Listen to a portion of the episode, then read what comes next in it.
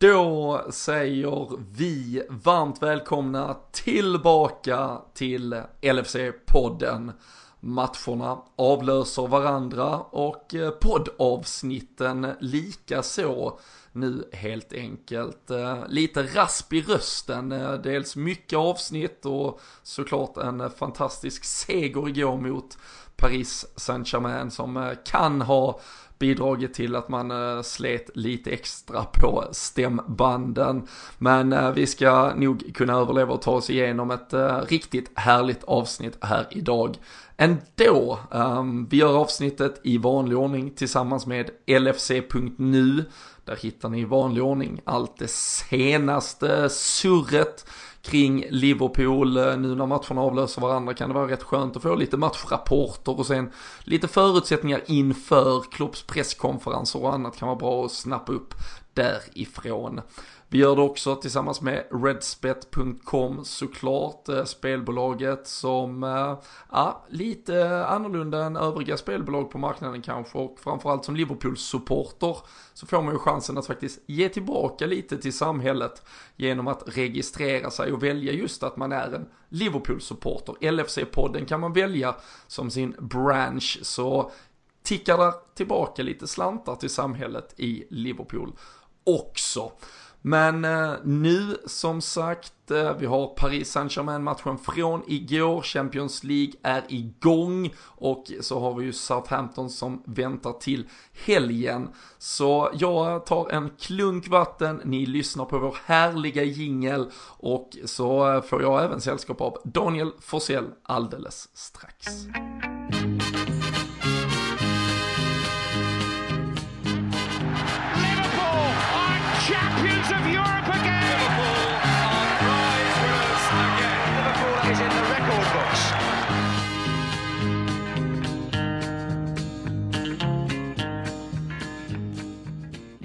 Jajamensan, eh, då sitter vi här och eh, har, eh, ja, jag i alla fall har behövt en, en liten klunk vatten. Hur är läget med Daniel Forsell 24 timmar efter att Champions League drog igång, Liverpool gick ut i ja, blixtfart på ett elektriskt Anfield och till slut tvålade dit Paris Saint-Germain. Ja, det är väl svårt att, eh, att påstå att det skulle vara något annat än bra tror jag. Det kan få den eh, ruskigaste höstdagen att lyfta sig ganska bra om man eh, ser till att spela ut PSG en, en fin kväll på Anfield. Så läget är väl på topp egentligen och så länge det fortsätter så här Liverpoolmässigt så tror jag nog fastän att jag kan, ja, jag kan leva med det. Det kan jag göra. Du, du, du, kan, du kan ta dig an hösten om vi gör det med det här medvinden. Liksom. Ja, det känns ju så. Jag var lite, jag var lite kaxig där innan matchen. Jag har alltid, kollar ju inte så jättemycket fransk fotboll om jag ska vara ärlig. Kanske i, ja, det kanske är många som, som inte heller gör det av våra lyssnare. Och alltid tyckt att PSG liksom har varit lite så här upphåsat för att de spelar i en ganska enkel liga så sett. Sen har man ju sett dem i Champions League och sådär. Men eh, man kunde ju andas ut efter det förhandstippet. Eh, sent om sidor igår så kunde man ju säga att eh, ja men vad fan var det jag sa. Det var ju inget att ha. så att, det var väl gott. Din, enda rädsla kom kanske där framåt slutet när de bytte in Premier League-kvalitet i form av Choupo-Moting helt enkelt välscoutade spelare för mig ändå om man jämför med de andra. Då kändes det tungt. Ja. Riktigt sjukt. Det är ju fan ett värt ett poddavsnitt i sig. Alltså bara hur, hur han lyckades gå från eh, Stoke till, eh, till PSG. Vi hade ju ändå Shakiri som som inte jag tror att någon Liverpool-supporter egentligen är missnöjd med, men som man ändå kunde få höra lite att säga, ja, ni värvar från ned, nedflyttade lag sådär. Men, men att PSG skulle värva Choupo-Moting som liksom inte har stuckit ut någonting där heller i Stoke. Det, nej, jag vet inte fasen. Hans, han eller hans agent har väl något på någon, någon gubbe nere i eh, Förenade Arabemiraten eller Qatar eller vad, vilka det är som, ja, som har hand om klubben. Ja, men jag tror, han har ju aldrig, jag tror aldrig någonsin det har betalats en övergångssumma för honom. Alltså han är the free transfer man liksom. Han äh, har suttit ut kontrakt i Schalke, Mainz, Stoke nu senast och så på något jävla sätt så blir det alltså PSG av det. Mainz, de eh, tror jag att de har en Milner kanske. Ja men Tuchel kanske har haft han i Mainz då faktiskt. När ja, han sitter och snabbscoutar eh, här. Det är, en, det är en fin scouting. Då har vi, har vi löst det mysteriet fan, också. Då har vi klonkat den också. Jag, jag tror att det är bara de har sett att Milner som free transfer blev en sån utveckling. Så jag tror det är det bara. 100%. De vill bara ha en free transfer. Ta, exakt, så de kan, kan skryta med det om, ja, jag vet inte hur gammal han är, men säg om fem år då när han har Ah. Som Milner gör att... Eh, han är han till och med 29, Choupo-Moting. Ja, okay. Fan, det finns inget värt med honom. Nej, han var gratis i alla fall. Ja, Så, ja. för de har ju inte råd med Precis. Ja, vi, det får väl bli en podmiss special om eh, Choupo-Moting ifall han eh, blir Liverpool-spelare i sommar kanske, vem vet. Det kan vi lova. Men uh, lite annat och uh, som sagt väldigt mycket positivt att uh, fokusera kring just nu. Jag nämnde här i introt att det, det är ju högvarv vad gäller eh, matcher, det är högvarv vad gäller eh, poddandet här. Vi hade ju Tottenham i helgen som vi så trevligt snackade upp med Erik Niva. Eh, ska väl sägas att egentligen det avsnittet var 10% uppsnack Tottenham. Det avsnittet var ju väldigt mycket fotboll i, i allmänhet, välmåendet i både Liverpool och, och kanske då det lite sämre måendet i Tottenham, även om de har ja, känns som de har hunnit sjunka ett par snäpp till bara sen, sen den, eh, det avsnittet. Men det är väl, väl värt en lyssning eh, i alla fall. Och sen så satt ju Kalle och Fredrik här i eh, dagarna nu mellan Tottenham och PSG och, och snackade där också. Men eh, vi fortsätter att rotera lite hederligt Rafa Benites vis här och så blir det din och min uppgift eh, Dan att någonstans ta Champions League-premiären eh, i mål och så ska vi ju såklart snacka upp eh, Southampton. Du nämnde att du hade lite liksom, ja, lite, lite feeling i kroppen att det här kunde bli bra. Hur, när det väl var dags och det ställdes liksom upp en Neymar, Mbappé, Cavani. Hade du fortfarande liksom, ja men vad fan, det här löser vi. Konstigt nog hade jag faktiskt det. Jag brukar, eh, ju närmare matchen det kommer så brukar den känslan eh, avta till någon sorts eh, oro liksom. Men jag vet inte, man, är så...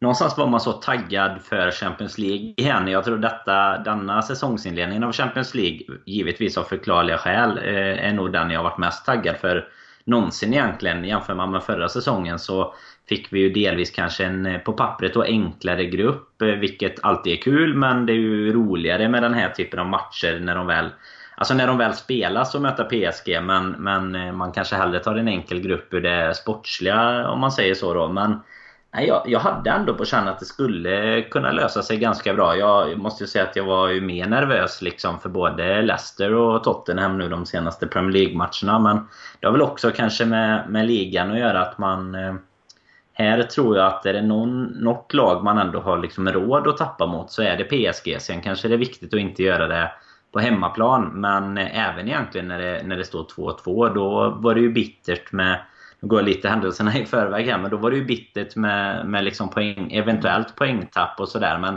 jag hade, jag hade tyckt det varit mycket värre om vi hade suttit med 2-2 på Wembley. Liksom. Då hade jag haft en mycket tyngre känsla tror jag. Mm. Eh, så jag vet inte om det är att det är väldigt, väldigt tidigt i Champions League och att man ändå känner så här att ja, vi har ju chansen att komma ett eller tvåa och, och det löser sig. Man känner inte riktigt på samma sätt som, som en Premier League-tabell att liksom varje poäng eh, kan vara det är det som avgör lite sådär i den i den konkurrensen vi har där. Mm. Även om vi har en väldigt svår grupp då. Ja men så är det. Alltså, och, och någonstans kommer ju alltid ett, ett gruppspel kommer alltid koka ner till att gå vidare eller inte gå vidare. Ja, det spelar ingen roll om vi spelar sex eh, oavgjorda. Om det gör att vi går vidare så gör vi ju det. Men eh, sex oavgjorda i, i Premier League skulle ju vara direkt förödande mm. Eh, såklart. Så det så självfallet är det extremt viktigt att, att göra jobbet och så någonstans hitta balansen mot att inte få ta sig och ha fokus till Premier League nu. Dessutom så väntar ju lite eh, Carabao Cup i veckan också. Eh, vi kanske hinner snegla mot eh, den matchen rent av. Men om vi tittar på Liverpool och jämför med Tottenham-matchen så fick Naby Keita stå till sidan. Jordan Henderson gick in. Det där mittfältet som faktiskt var vårt ja, semifinal efter att Oxlade hade skadats och sen finalmittfält under förra säsongen i Champions League. Och sen då framförallt kanske det mest anmärkningsvärda i anfallet, en Roberto Firmino som eh, fick den här ögonskadan som uppenbarligen ändå inte faktiskt påverkar honom jättemycket. Men som trots allt öppnar upp en chans för Daniel Sturridge och tycker väl att vi kan börja där lite kring sättet han tog den chansen på. Och för kanske första gången någonsin verkligen såg ut som en Jürgen Klopp-spelare. Kan du hålla med mig om det? Ja men verkligen. Det känns som att det har hänt någonting eh, där. Man, man var ju inne lite på det med försäsongen och han såg ju väldigt mycket finare ut på försäsongen än vad han har gjort egentligen nästan sedan den här eh, 13-14 säsongen. Sen har det, känns det som det har varit en, en ond spiral neråt och jag är ju garanterat inte ensam om att känna att, att det kändes som att det här äventyret var över när han eh, liksom gick till, till West Bromwich för att få igång alltså en liten produktion eller någon eh, möjlig chans på att få en eh, VM-biljett på någon sorts eh, mirakulös upphämtning av sin karriär där det bara gick egentligen än värre. Han blev väl både petad och skadad. Skadad har han ju varit en del liksom men Nej, sen att han kom tillbaka och gjorde en riktigt grym försäsong och, och verkligen fick hela försäsongen så har det ju känts som att vi ändå haft ett sparkapital på bänken. Vi har ju diskuterat det att våran bänk har blivit väldigt mycket mm. starkare och bredare och eh, igår så ja, han tog ju verkligen chansen. Jag, jag tycker inte att han liksom ens är i närheten av att börja gå förbi rangordningen på något sätt men det känns som att han också har, har liksom accepterat en roll som han inte gjorde innan riktigt. Det känns som att han då behövde vara bland de allra största stjärnorna och den det snackades om och så vidare medan det nu känns som att han liksom kanske har insett att att hans eh, chans på, på den här typen av scen egentligen, den finns bara i, i Liverpool. Han hade ju antagligen inte fått byta till en klubb av sam, samma dignitet. Och Nej. här kommer han ju ändå få göra ganska mycket matcher med tanke på spelschemat nu framöver. Jag kan tänka mig att eh, Carabao Cup som du snackade om där, där är det ju ganska givet tycker jag att man skulle kunna spela en Starwich till exempel då. Det är ju det är stor skillnad på att ha, ha den bänken och det är att rotera med för att i en sån här match så gör han ju ett jättebra jobb och han, han var ju riktigt, riktigt bra igår.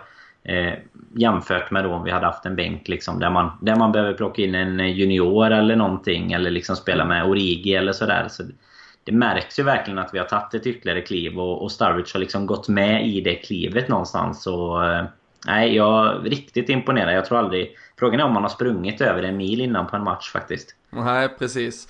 Eh, det var alltså om man tar eh, på så här rullande löpmeter, nu, nu gick han ju faktiskt av när det var en liten stund kvar, men hade man liksom dragit ut det som en 90 minuters match, då eh, landar han ju på 11,2 kilometer och det är ju det jag tror, eh, utan att liksom sticka ut eh, hakan för mycket, att det är det, det mesta han har sprungit faktiskt. Eh, I så fall i över en 90 minuters period i Liverpool.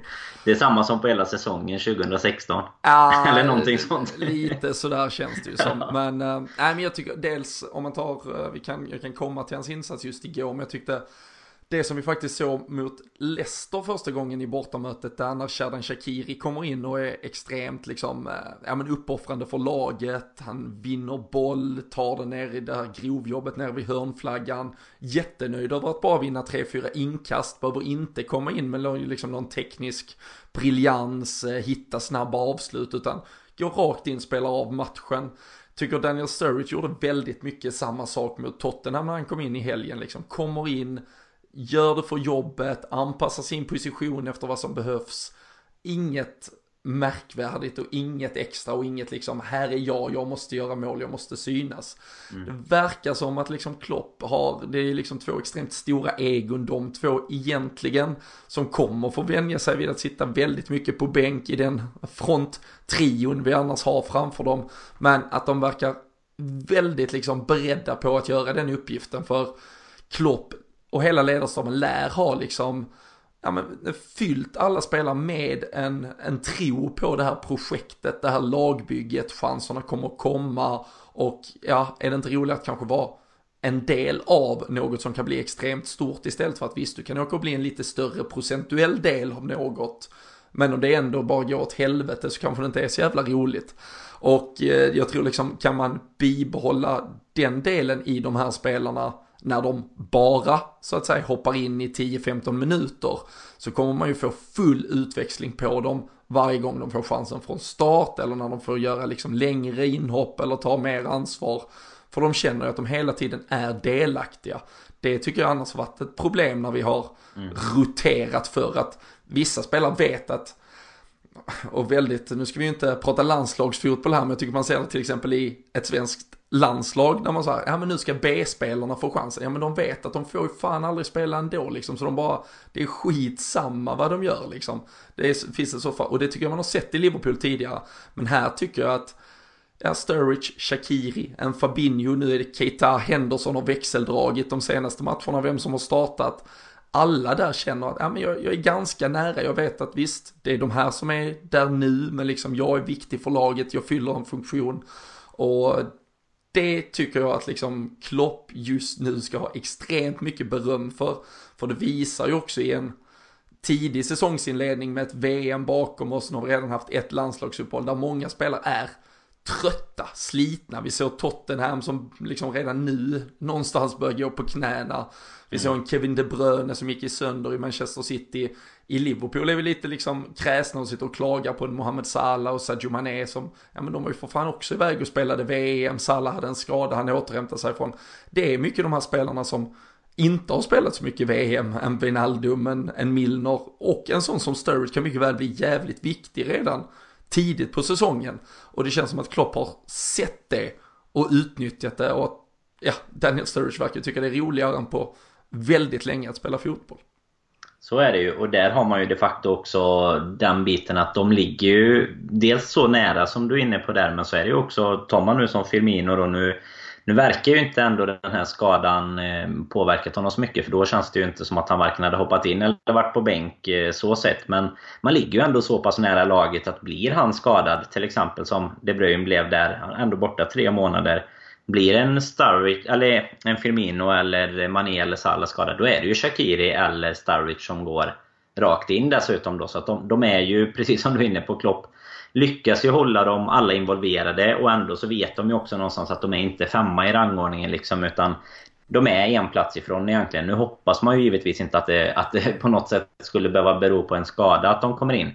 Men vi kommer ju också behöva växla för att kunna hålla truppen så fräsch som möjligt och om inte, som sagt, nu redan mitten på september att andra börjar eh, kunna få problem med det. Framförallt är det väl Spurs egentligen som har haft eh, det problemet och, och de har ju verkligen en lite det problemet som vi satt med innan. De har en elva som är, är riktigt, riktigt bra men eh, kanske inte jättemycket som det bakom kan eh, fylla på på samma sätt som, som vi har. Och som du var inne på i början där så är de redan inne i en liten minikris. Och det är ju, var ju Erik Niva inne på i, i avsnittet som ni hade med honom också. Och ha det i mitten på september, det är ju... Nej, det, det är man ju glad att man inte sitter i, i den båten just nu faktiskt. Och jag tror också det är jäkligt viktigt för den här typen av spelare att känna när man, när man då sitter på en bänk. Man tittar runt omkring sig, ja men här sitter en Shakiri, här sitter en Sturridge, mm. eller som igår satt en Firmino, där sitter en Fabinho, där sitter en Keita, där sitter en, med all respekt, men ändå det är fortfarande väldigt duktiga fotbollsspelare, liksom Moreno, Matip, Klein, Lovren, vilka det nu blir, en Lalana längre fram och så vidare. Alltså det är ju, det är ju helt okej okay att vara en del av den bänken, alltså om Daniel Sturridge var den enda A-lagsspelaren och sen satt där Curtis Jones och någon avlägsen släkting eller någonting, liksom en John Flanagan. Då, det är, ju, det är ju fan deprimerande för, för här blir ja. det ju en, ja, det blir en truppkänsla på ett annat sätt tror jag, där alla känner, ja men vi är 20-22 jävligt bra spelare, coachen tar ut vilka han förväntar sig gör det bäst just idag, det kan mycket väl vara något annat nästa då. Sen vet man, alla vet liksom att det finns någon form av startelva kanske som alltid är liksom det optimala. Men som du säger, just eh, att alla ligger nära till hands, att det är kvalitet rakt igenom, att alla känner att ja, men vi kan nog fan konkurrera på flera plan, både Champions League, Premier League, vi får se hur man tar sig an ligacupen nu som börjar sen kommer FA-cupen efter, efter nyår också. Men eh, äh, jäkligt äh, intressant med den här truppbredden och det är nu den, den ska visa styrka för som sagt äh, det intensiva spelschemat äh, fortsätter. Intensivt var det också från start direkt igår. Daniel Sturridge har vi pratat så mycket om honom. Vi kan bara konstatera att väldigt fint mål. Andy Robertson med sin tredje assist redan för säsongen på bara en månad. Han tar ytterligare kliv i det offensiva spelet. Eh, det känns ju som att han har gjort det här, eh, spelat liksom Champions League-fotboll mot Paris eh, dag ut dag in hela sitt liv egentligen.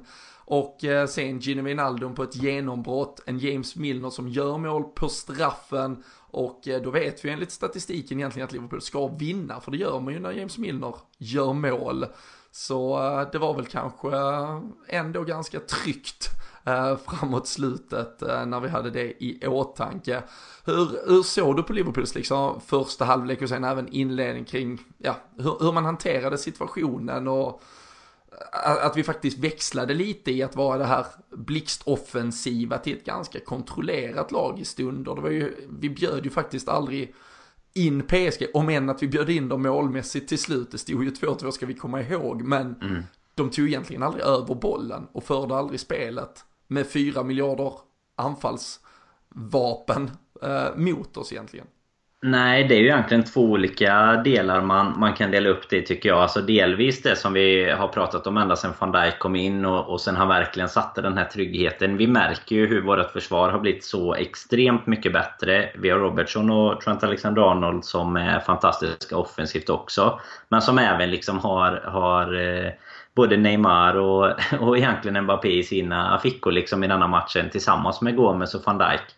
Eh, tycker att eh, ingen egentligen av Cavani, Neymar och Mbappé kom upp i liksom... Alltså de har ju den här individuella som till exempel Mbappés avslut på, på 2-2 där då. Det är ju alltså jättebra. Man märker att det, man får inte tappa några ytor mot dem precis som, som det är mot oss. Men det finns en annan stabilitet försvarsmässigt. Och tar man den andra biten då, intensiteten och, och liksom anfallsspelet, så tycker jag att vi, vi är liksom på samma nivå som, eh, som jag vet under, under våra uppväxtår här så hade man ju United som absolut största dominerande kraft i, i världsfotbollen. Liksom. Och de gjorde ofta så tycker jag. De gick in och liksom mosa lag i 10, 15, 20 första minuterna. Och lite så tyckte jag det var igår. Alltså, PSG måste ju undrat vad, vad fan de kom till. Vi hade ju 7-8 hörnor där på första kvarten i alla fall. Och, och liksom det var bara...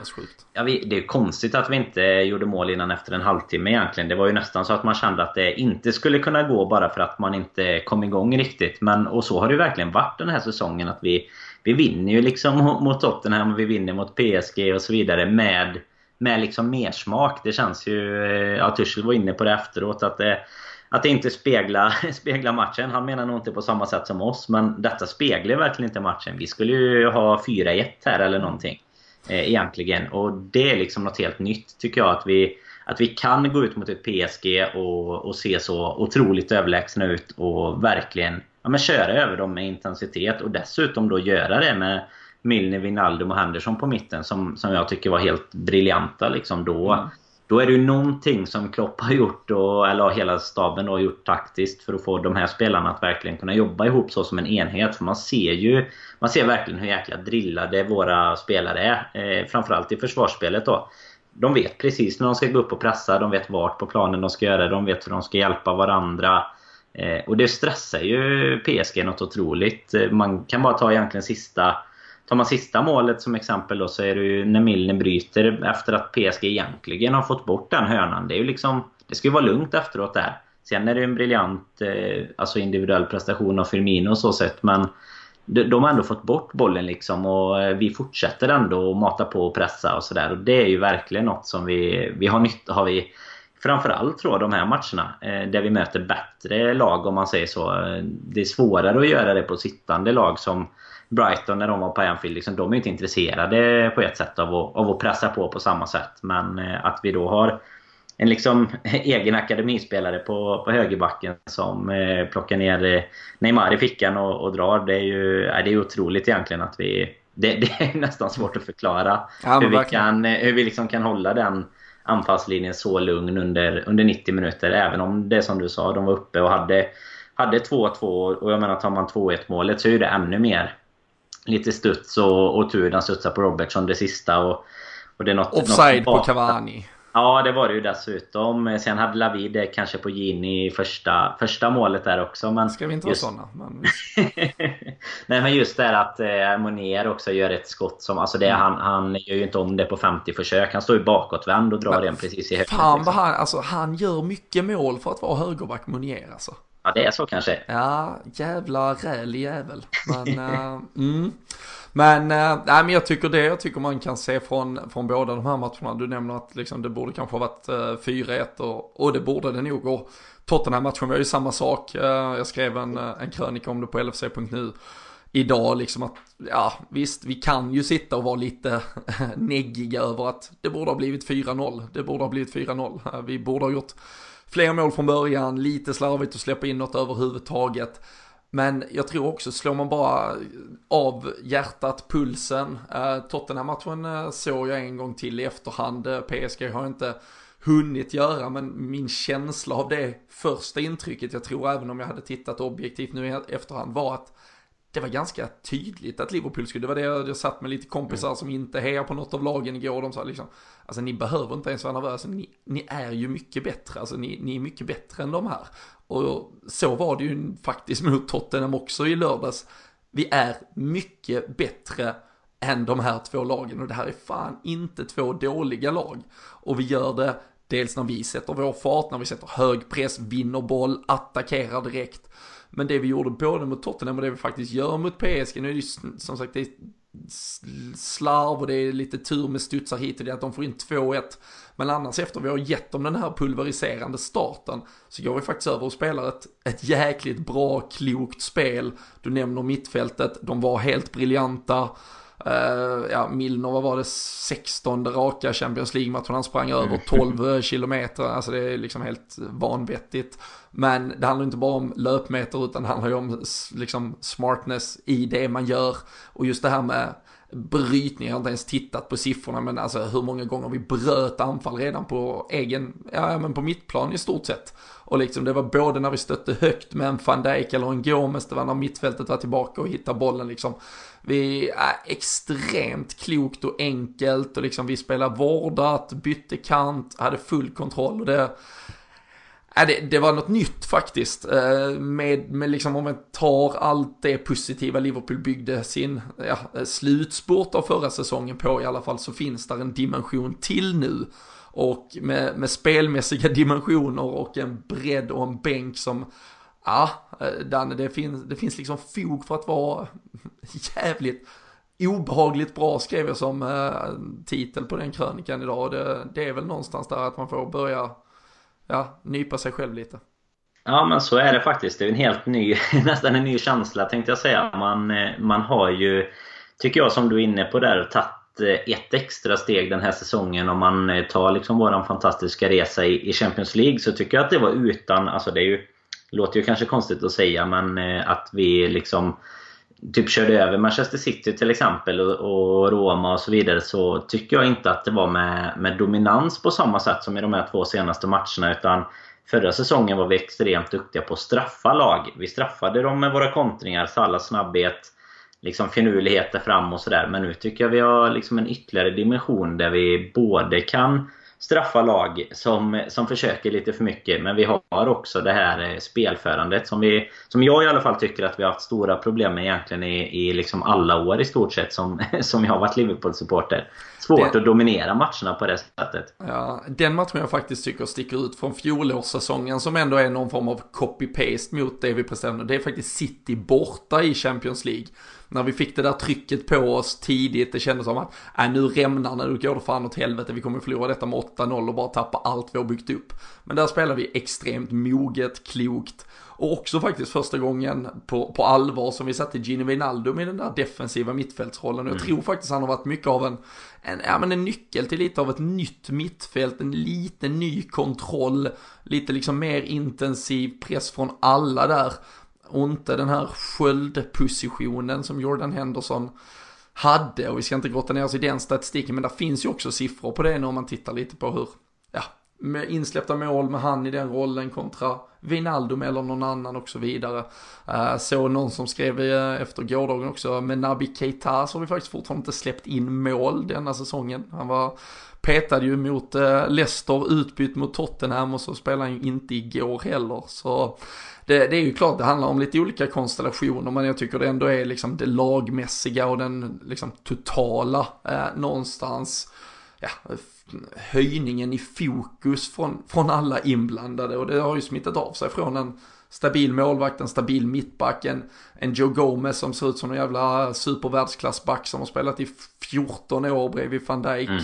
Och eh, som du säger en, en liten local lad i en Trent Alexander-Arnold som ja, han passerar ju 50 matcher här mot Tottenham som liksom har mognat in i detta och det som är så viktigt och han har ju i stort sett bara fått vara del av faktiskt ett väldigt positivt, liksom ett, ja men ett Liverpool på frammarsch, det har ju hela det här, eh, hela den där försvarskonstellationen varit, så de har ju inte behövt tänka så mycket på allt det där som vi supportrar har tänkt på att, ja, försvaret är lite halvkast, utan de här är ju vana vid att ja, vi är ju skitbra, det är vi alltid när vi spelar tillsammans, så det känns som att det har satt en, eh, ja, eh, standard och väldigt hög kvalitet på allt Liverpool gör i båda delar av eh, planen nu helt enkelt. Eh, jag tycker det visar också hur liksom viktigt det är med det här spelskickliga försvaret som vi har nu. Jag menar mm. Trent som kommer från mittfältet och, och visar ju det i matcherna också egentligen. Han är ju väldigt offensiv. Eh, tittar man på, på liksom sådana här heatmaps så är ju både han och Robertson är ju liksom offensiva yttermittfältare i stort sett.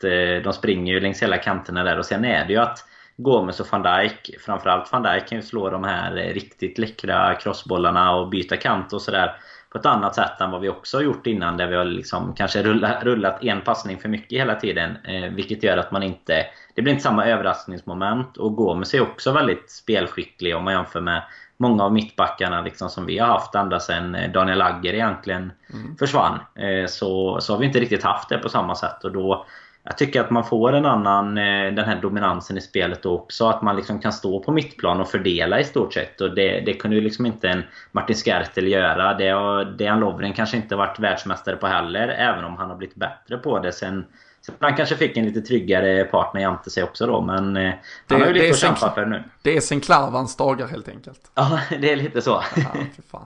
fan såg du för någon vecka sedan när Agger la upp någon bild på Instagram från någon match mot något jävla sånt Singapore All-Star. Det var där hans karriär förstördes liksom. Han har inte pratat om det.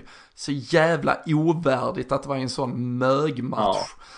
Helt sjukt. Det är fan nästan så jag bara vill stänga podden och gå och lägga mig när jag tänker på det. Singapore och Thailand All-Star. Ja, nej fy fan. Asien. Ja, så jävla ovärdigt alltså. Ja, usch. Uh, hemskt uh, sidospår att dyka ner i. Uh, jag nämnde inledningsvis att det finns de som kanske uh, tycker då att det finns mer att kräma ut också av uh, vissa spelare. Just uh, Mané fick en del kritik i, i lördags, att han inte släppte bollen i rätt lägen igår. En Sala som var ganska oskärpt om vi ändå lindar in det någorlunda snyggt. Och det är ju faktiskt en, en väldigt dålig pass och det är i stort sett en tredje på tio minuter. Han slår rakt upp i mm. gapet som, som leder till 2-2 där till slut. Sen kan vi väl direkt bara stryka ett streck över de här eh, eventuella teorierna kring att han var upprörd och sur att eh, Firmino avgjorde matchen. Han eh, firade på rätt rejält innan han dundrade ner den där flaskan eh, i någon form av eh, lättnad och säkert mer eh, irritation över sin egen insats. Men vad är din take på att, ja, att han då inte är lika bra som förra säsongen och ja, hur tycker du att vi ska hantera det nu de närmsta veckorna? Nej men det var ganska normalt egentligen. Han gjorde ju en, en helt sjuk säsong egentligen förra året och jag tycker väl inte det är så konstigt på ett sätt för att han, han får ju mer bevakning på sig. Så är det utan tvekan. Sen igår i och för sig tycker jag väl att det kanske var den den eh, mest bleka insatsen, det, det var faktiskt lite... Ja, jag tycker kanske att han var sämst egentligen i, i vårt lag. Och, och Samtidigt så kommer han till, ibland nu kommer jag inte ihåg, jag läste en statistik innan om det, om det är näst mest eller tredje mest avslut har han kommit till i, i Premier League nu då. Mm. Och det visar ju ändå någonting. Han har liksom gjort en... Alltså stati statistiskt om man ser på det här med expected goals och så, det kan man säga lite vad man vill om så sett. Men det finns ju ändå någon liksom eh, bra, eh, vad ska man säga, statistik bakom det där med men vad som borde ha lett till vad och där ligger han ju egentligen bättre till nu i början på den här säsongen än vad han gjorde förra säsongen. För man får ju inte glömma att han, han kom ju faktiskt igång. Det tog ett tag innan han eh, verkligen började ösa in mål. Och eh, jag ser liksom absolut inget problem. Eh, tror inte att han är sliten eller att det är något sånt. Utan Igår hade han inte sin bästa dag men eh, det kommer att komma, det är jag helt övertygad om. Och de, liksom, de radar ju upp chanser. Jag tycker man är har väl vi varit inne på innan också någon gång att han kanske ibland eh, är lite feltänk i beslutsfattandet det här allra sista. Men mm. Eh, han hittar ju också på väldigt mycket av det här som man... Det är lite som Alisson tycker jag. Att man kan liksom inte både få att han ska hitta på de här sjuka grejerna och sen förvänta sig att han alltid ska göra det säkra snett inåt Nej. bakåt som Christian Eriksen eller någon alltid levererar. Utan den här chippen, alltså han är ju nära på att göra ett mål när han... Nu kommer jag inte ihåg vem det var som kommer farandes där i, i PSG-backlinjen. Men han eh, chippar ju över längs kortlinjen där och drar ett skott på ungefär samma sätt som Lamela satte in den mot oss. Eh, mm hade kunnat sätta in den i bortre gaven där. Jag menar, gör han mål på en sån grej så är det ju, då är det ju bara helt briljant. Så jag tycker någonstans att det finns liksom samma diskussion där. Att du kan inte både ha briljansen och att han alltid ska, ska leverera. Sen mot Spurs var det ju kanske lite extremt. Där hade vi ju fasen, det var ju alla nästan, blev ju mer sugna kanske på att göra målen. Mm. Och det var lite den här, vi leder så de har ingen chans ungefär. Och det, det är också en helt ny upplevelse. för för oss. Men inte på något sätt liksom orolig för att någon av dem eh, ska vara ur form eller liksom någonting. Han har, Salah står väl på två mål och, och man är på fyra. fyra så ja. att det är inga Firmino på två nu med. Så att, nej, alltså, ja, det är bara att fortsätta. Så ja, kommer det komma. Nej men verkligen. Alltså, vi får ju komma ihåg att eh, det är helt orimliga stats de har med sig från förra säsongen. Det är rekord. Han är ja, ju alltså, mål någonsin i Premier League. Ja, han, liksom. han, han sätter målrekord och i, i Champions Champions League gör hela fronttrion 10 mål var liksom också rekord för en, uh, liksom en, en ja, anfallsuppsättning. Och uh, såklart med hela avancemanget hela vägen till Kiev liksom så blev det ju liksom en extrem buzz kring, kring de tre på väldigt många sätt och vis. Och hade som sagt, hade detta här varit deras första säsonger så hade det, vi varit eh, i eld och lågor över hur sanslöst det hade varit att vi har sex raka matcher, vi har vunnit över Tottenham och PSG och de gör faktiskt mål och assist och är inblandade i allt. Sen att de inte gör tre mål varje match som det kändes som att framförallt Salah gjorde ett tag under delar av förra säsongen. Vi får nog liksom vi får nog balansera ribban igen liksom. Vi kanske inte ska jämföra dem med sina odödliga insatser från i fjol utan jämför dem med Keynes och Agüeros och andra och sen offensiva yttrar om vi ska vara helt ärliga och då är de ju, mm. ja,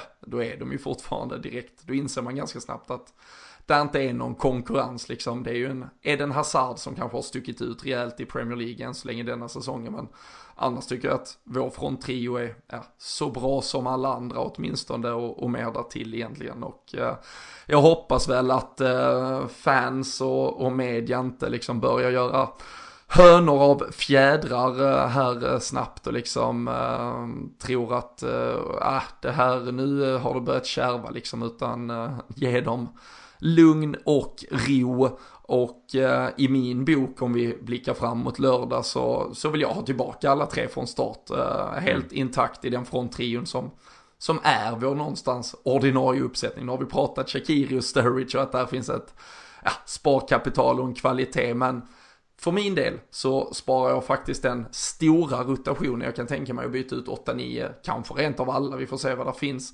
till onsdagens match sen mot Chelsea i eh, Carabao Cup istället. Men eh, ingenting, ja, tisdag kanske den till och med. För, men... Eh, onsdag tror jag det Ja, onsdag, ja precis.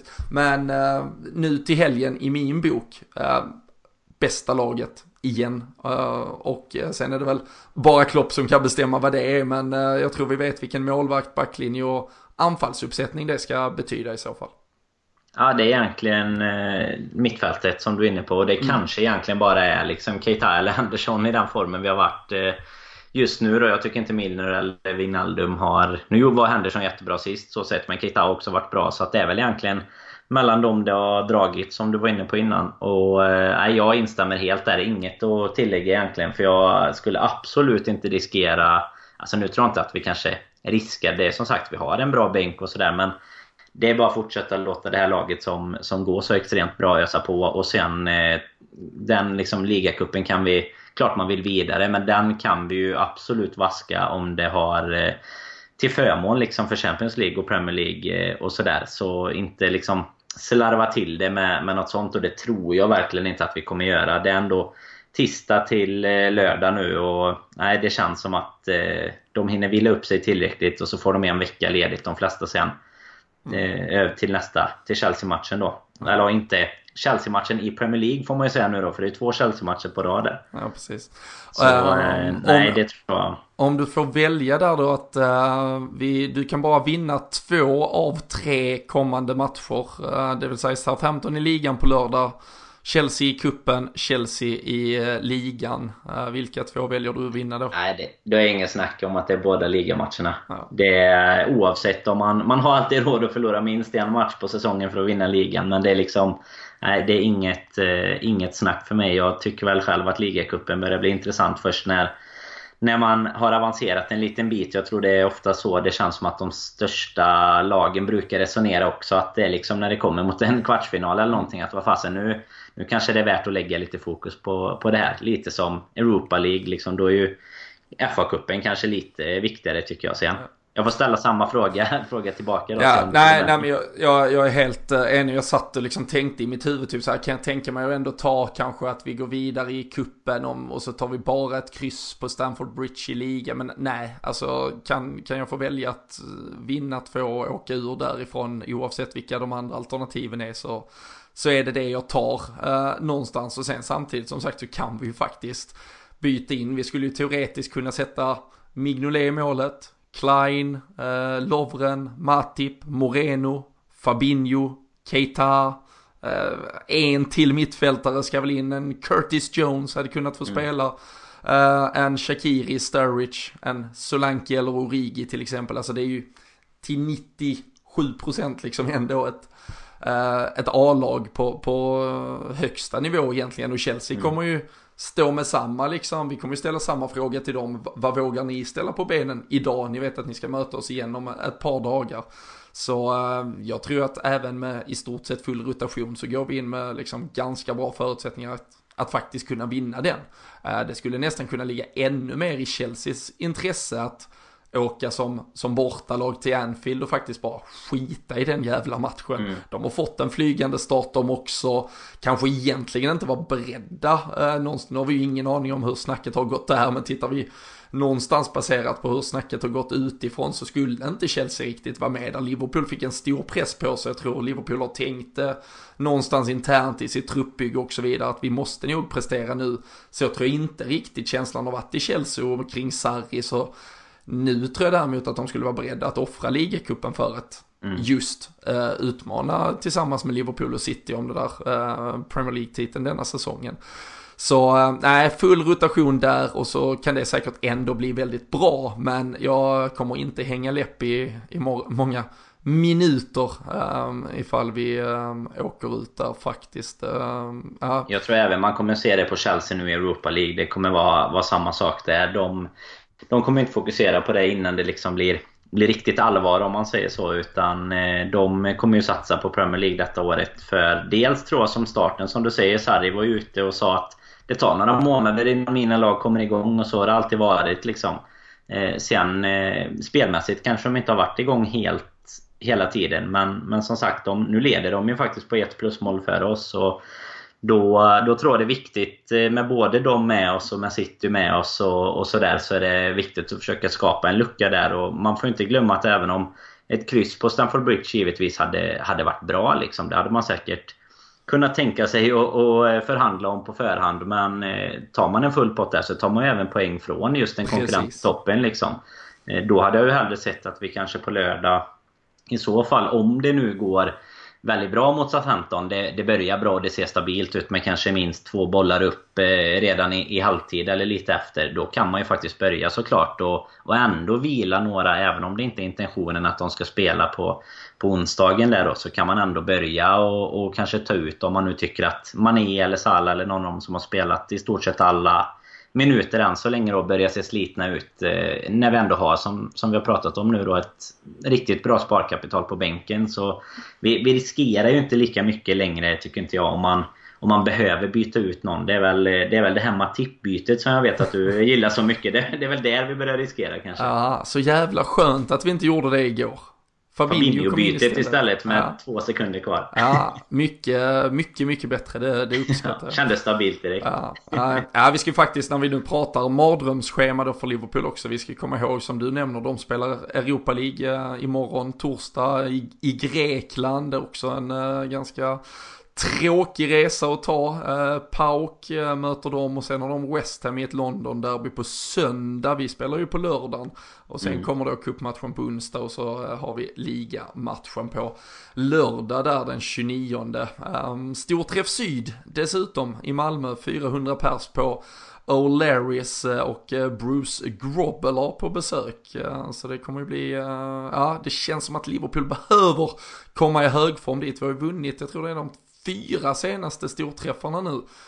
Efter att vi hade gått i ett långt jävla mörker i många år så, så har ju trenden vänt där. Kan, kan flagga redan att jag faktiskt var på just den och Larrys igår och så PSG-matchen också. Så det sitter kvar i väggarna med bra känsla.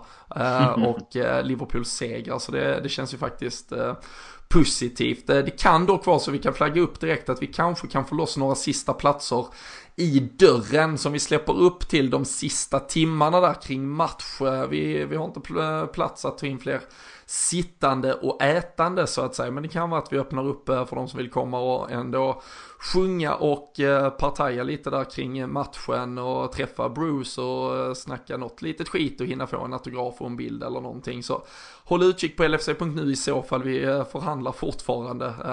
Finns tydligen något som heter brandsäkerhet och lite sånt vi måste förhålla oss eh, till. Men eh, nej, det kommer att bli extremt roligt. Men eh, det är några matcher bort. På lördag Danne, det är Southampton hemma. Om jag minns rätt så var du på Southampton hemma förra året. Och så Liverpool ja. ganska enkelt spela bort sydkustgänget då, 3-0 var det väl, eller? Det stämmer, mm. det stämmer. Det Sala, var, var, det var där, show. Ja, det var väl där det tog fart för honom på hösten Ja, egentligen. det kan vara så. Jag var ju inne på det innan att han började ju lite trevande så sett. Han missade ju väldigt mycket i början, men det gjorde han två om jag minns rätt eh, på, på rak arm här. Eh, han gjorde ju ett lite liknande det han gjorde mot Everton, en sån här curl mm, framför precis. mig där på på Anfield Road eh, Lower. Eller Anfield Lower heter den kanske bara. Ja. Eh, nej, det, alltså den, eh, det stämmer fasen. Det var schysst att du påminde mig. Det var en fin match. Ja. Tror du eh, ligger 3-0 i korten eh, även inför eh, lördagen? Ja, det tror jag faktiskt. Jag kikar på Southampton eh, i måndags här nu mot, eh, mot Brighton. De tappar ju en 2-0-ledning. Eh, de har ju dessutom sin, sin faktiskt bästa spelare är ju på utlån från oss. Det är Danny Ings. Han har ju kommit igång riktigt bra och han får inte spela om det är någon som har missat mm. Ska detta vi då. Så. förtydliga det lite? För det är många som tänker, men vad fan, han blev ju såld. Men mm. vi, han är ju bara så att säga försåld egentligen. Övergången blir ju permanent 1 juli nästa år. Och eh, då inkasserar Liverpool eh, drygt 20 eh, miljoner pund. Men så är han ju på lån denna säsongen. Så affären är egentligen klar men han tillhör faktiskt Liverpool. Och därför då får han ju inte spela mot oss mm. på lördag. Och det, som du säger, han är ju, har varit deras ja, superstjärna inledningsvis. Och ganska gött att slippa honom i vårt straffområde. Ja, verkligen. Det visar ju sig att de gör en bra värvning Liksom, och det, det, är verkligen en sån värvning som, som vi nog var inne på tror jag också när vi pratade i somras. Att den, den är bra för alla parter egentligen. Det passar ju honom perfekt. Han får komma och spela. Han är lite stjärn, stjärnstatus kommer han ha i det laget om han får hålla sig frisk och sådär. Och Southampton njuter mycket av, av honom och, och, för oss är det perfekt för vi hade ändå inte kunnat spela honom och så får vi in en ganska bra övergångssumma tack vare att han ändå är engelsk och sådär då. Så eh, nej, verkligen en, win-win-win situation. Och, ehm, men det passar oss extremt bra också den här gången då att han inte får spela. Så att eh, det blir väl kanske Shane Long där fram eller Gabbiadini eller någon eh, härlig herre. Men de såg faktiskt riktigt bra ut mot Brighton. Men som sagt tappar ju till, till 2-2 och haft en lite sådär halvtuff start. Så att tror nog att vi kommer att faktiskt städa undan det ganska enkelt om jag ska, om jag ska tippa. Mm, Liverpool eh, hjälper dig i ditt säsongstips eh, med eh, rödvitt randigt ner under strecket vill du ju gärna se. Annars är det ju jag som, fan vad fint jag tippar in Newcastle i bottenstriden inför säsongen. Ja, verkligen. Det, det ser bra ut för ditt tips. Det är väl är det Burnley som är kvar eh, ja, där nere med. De ska vi avverka. Vi ska skänka några har. poäng till eh, Sean Dyche här så, eh, så de kan klättra sig förbi mitt jävla brödtrio där med Cardiff, Huddersfield och Newcastle så ska de ner och förankras under nedflyttningsstrecket. Nej, men jag West Ham såg ut att få det tungt med, men ja. de åkte ju till Goodison och löste några poäng. Så det var, det var enkelt Enkelt borta. Bjudpinnar på Goodison är det ju alltid. Um, även om eh, Phil Neville satt i någon studio här för några veckor sedan och trodde att Everton could be this year, could be that year. Ja, andra, andra året på rad är som, som det är det. Det är lite som eh, folk skojar med oss eh, ja, förr i tiden. Ja, sådär. Ja, ja. Fantastiskt. Äh, men jag, jag tror också uh, på seger. Uh, ja, men ska vi säga att poddtipset är 3-0 då? Uh, Alisson ja, får hålla det. nollan igen uh, efter uh, tre raka med insläppt. Det hade vi ju inte vant oss vid. Så det är väl dags att stänga igen den här jävla fabriken. Och så ett par snabba framåt och kanske att vi får vädra lite luft då på ett par spelare och sen rotera ordentligt inför onsdagen istället. Vi eh, summerar eh, med de orden. Eh, kom ihåg att vi såklart eh, slänger ut ny tävling. Eh, vi kör ju med Sam Dodds eh, inför varje match här. En snygg tisha i potten på Twitter så går ni in och eh, följer oss, eh, ni retweetar den där bilden vi lägger upp med tävlingen och så skriver ni in vad ni tror att eh, matchen slutar. Då tippar man resultat, sista målskytt och minut för sista mål. Måste faktiskt säga att det är jävligt många som är bra på att tippa. Mycket 3-2 hade vi i flödet efter senast. Det var minuttips, eh, hade någon som hade 89 minuten som avgjorde till slut. Så snyggt där, eh, kan vara lite inspirationskälla kanske för eh, allmänt eget tippande om man kanske ska in på redspet.com och slänga en liten slant.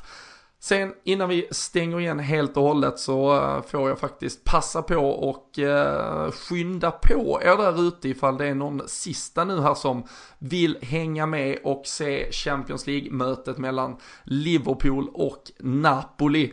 Vi anordnar ju en, eh, ja men liten podden Away 2.0 kan man väl säga i slutet, eller sista, är det ju faktiskt Champions League-matchen mm. där för säsongen. Och eh, vi, eller för säsongen hoppas vi inte, men för året, gruppspelet är det ju som avgörs. Eh, märker man att eh, tröttheten börjar komma. Eh, den 11 december i alla fall så åker vi, vi har 20 platser, biljetter, boende, måndag till onsdag, hotell inklusive frukost, matchbiljett som sagt. Och vi går ut och käkar någon gemensam brakmiddag och sen kör vi lite pubträffar och annat eh, skoj. Det trillade in anmälningar, jag tror jag fick fem stycken direkt på visslan igår i stort sett liksom, fan, den här kvällen vill vi också uppleva. Så sitter ni där hemma och är sugna så hör av er till oss snabbt som attan nu på Twitter. Vi har ett par platser kvar bara så det är dags att hugga dem. Eller skicka ett mail till robin.bylund eurotravelsports.se så äh, ser vi till att äh, just äh, du och dina polare fixar de sista platserna. Men med de orden Danne, så håller vi onsdag kväll och eh, stänger ner och tar sikte mot lördag. Så är det. Så är det. Tack för att ni har lyssnat och ha en fortsatt skön vecka.